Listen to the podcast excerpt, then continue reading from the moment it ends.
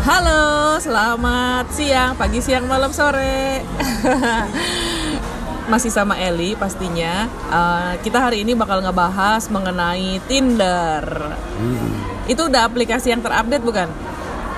Chris? ya, saya Chris seperti biasa dari sumber yang lainnya namanya Chris ya. Ya, jadi uh, Tinder itu pasti jadi masih jadi aplikasi yang dikejar-kejar oleh para pria ya. Enggak sih dia nggak kejar, dia cuma men-swipe kiri dan kanan aja. Tapi biasanya pria-pria ini biasanya uh, masih menunggu ya kapan matchnya ya setelah dia swipe ke kanan. Mungkin setiap cewek dia swipe ke kanan. yang match mungkin bisa tahun depan baru match. Mungkin juga nggak pernah match sama sekali. Sayangnya pasar di Tinder itu masih lebih berat daripada pasar Tinder buat cowok itu lebih berat daripada pasar Tinder buat cewek. Cewek itu lebih banyak matchnya karena kelihatannya lebih banyak cowok yang desperate, bener nggak? ya betul. so kita berdua udah main Tinder itu udah dari 2014, jadi udah bisa dibilang pemain lama ya. Kita udah tahu lagu lamanya, kita udah tahu gaya bahasanya. Kita sekarang mau ngebahas gimana cara mencari orang-orang yang bener di Tinder dan apakah itu hanya mitos? Oke. Okay. nah, sekarang kita bakal nanya nih ya sama Chris ya. Chris di Tinder nyari cewek apa nyari cowok? No judging. Nyari cewek dong. cari cowok juga nggak apa-apa kok. Kalau cari cowok di bar. Oke. Minta dibayarin ya. nah, uh, kira-kira so far nih, berarti udah masuk tahun kelima nih ya main Tinder ya? Iya. Gimana pendapatan sejauh ini? lumayan menyenangkan cuman makin kita jujur makin kita jujur makin seret pendapatannya Oke, tadi kata Chris kan katanya seret nih pencarian dia. Uh, kira-kira uh, apa nih yang seret nih? Ya, jadi kalau kita misalnya itu lebih jujur sama diri sendiri, itu apa ya cewek-cewek itu kayaknya agak sulit menerima kalau kita itu sudah nggak single lagi tapi kalau menurut aku pribadi nih sebagai pemain, uh, aku malah lebih senang kalau prianya itu jujur. Jadi nah. kalau misalnya dia sudah kawin, ya udah bilang aja udah kawin daripada pura-pura gitu kan. Maksudnya di umur 40 misalnya atau 35, sukses, uh, ganteng, tajir, mungkin gak sih kalau masih single kayaknya Enggak. hampir nggak mungkin kan gitu tapi gimana nih kalau misalnya jujur jujur nih yang dimaksud jadi jujur gimana bisa kita itu uh, udah nggak single lagi. Terus kita eh, nggak uh, mau relationship. Itu susah sekali dapat match. Ya kalau misalnya nggak mau relationship ngapain main Tinder ya kan?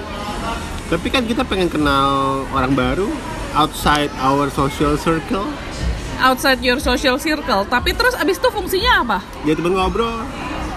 Dan itu ditulis gitu kalau cuma mau teman ngobrol doang? Ya kata kalau kata kalau kata aing sebagai cewek gini nih bayar pak. Lu mau ngobrol gratis lagi nggak ada untungnya buat gue ya nggak? Nah uh, oke okay, berarti itu kalau jujur ya. Jadi kebanyakan yang ada di situ kan kebanyakan bullshit. Setuju? Apakah cewek-ceweknya juga termasuk yang bullshit bullshit juga?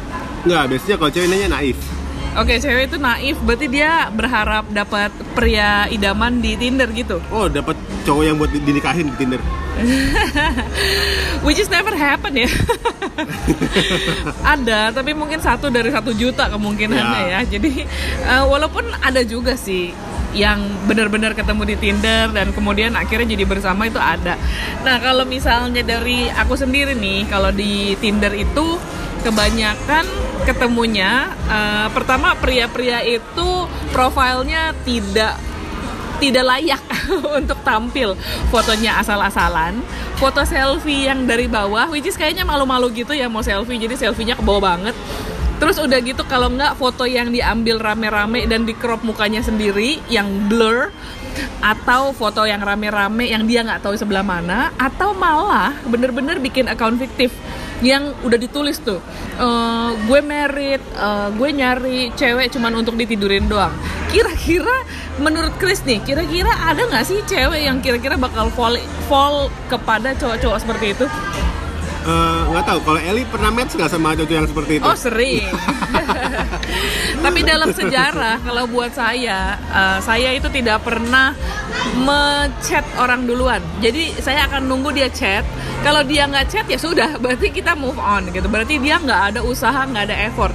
Karena pada kenyataannya kalaupun dia chat terus kita kasih nomor WA mereka juga kadang-kadang nggak jelas. Misalnya e, gue nyari temen buat have sex doang nih gitu. Terus aku bilang ya ya have sex is something is it's a need kan itu kebutuhan. Tapi kalau anda aja nggak effort untuk memperkenalkan diri memperlihatkan kualitas bukan berarti ada cewek juga mau tidur sembarangan sama cowok tidak dikenal kan? Dia harus memperlihatkan dulu kualitas dirinya setinggi apa sih lo sampai gue mau tidur sama lo. Kalau misalnya dia tiba-tiba cuman pajang foto dia lagi di gym terus udah gitu dia bilang gue cuman cari partner buat seks aja. Ya hello lo belum seganteng Brad Pitt sih ya menurut gue. Jadi sebaiknya coba ngaca dulu kalau lo udah operasi jadi Brad Pitt baru mungkin bisa tuh jatuh setiap cewek ngelihat profile picture lo. Itu juga mungkin dikira bohongan. Nah jadi mendingan cowok yang belak-belakan ngajak seks atau cowok yang cuma cari teman ngobrol? Kalau pilihannya kayak gitu, pilihan aku adalah cowok yang bisa diajak ngobrol. Karena cowok itu sudah labelnya mesum. yes berarti gue ada harapan ya Jadi jangan menambah-nambah diri menjadi orang yang sudah mesum di capnya, terus mesum pula gitu kan. Jadi tolong jangan terlalu stereotip. Nah, denger itu cowok-cowok tuh oi. nih Chris sebagai pria selama masih jadi pria bukan? Masih. apa sih yang diharapin ketika uh, main Tinder dan ada perempuan-perempuan tuh sebetulnya yang diharapin cewek tuh kayak gimana sih? Supaya jadi clue nih biar kalau cewek-cewek ada yang main Tinder ketemu sejenis Chris dan teman-temannya itu jadi ada clue. Gimana tuh? Yang enak diajak ngobrol yang nggak tahu-tahu itu cuma nanya kerjanya apa? Di bidang apa terus mulai coba-coba tebak kira-kira gajinya berapa? Udah ada hilang habis itu.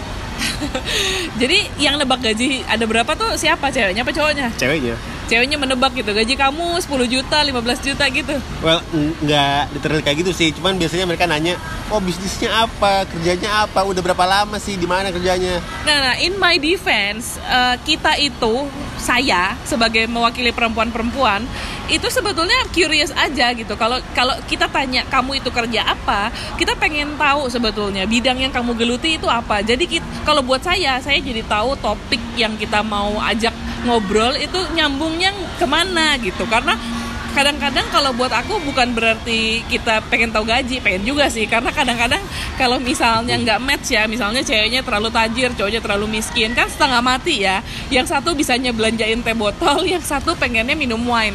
Kan nggak match tuh ya.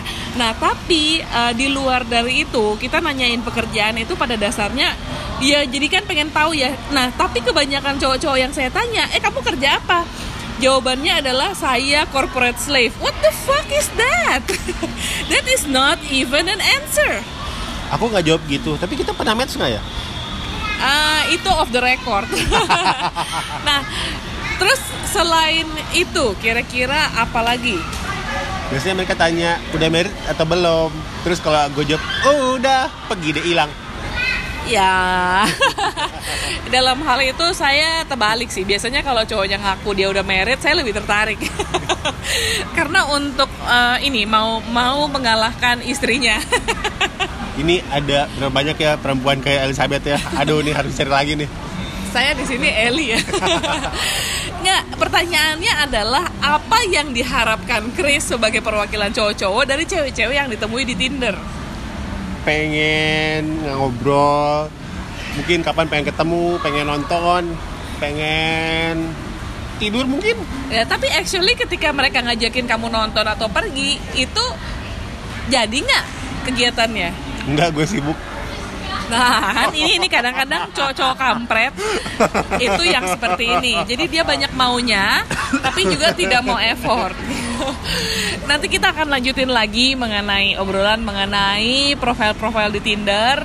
Uh, yang ini kita sudahi dulu ya karena agak terlalu panjang dan ngalor ngidul. Kita akan ketemu lagi di episode berikutnya. Bye bye.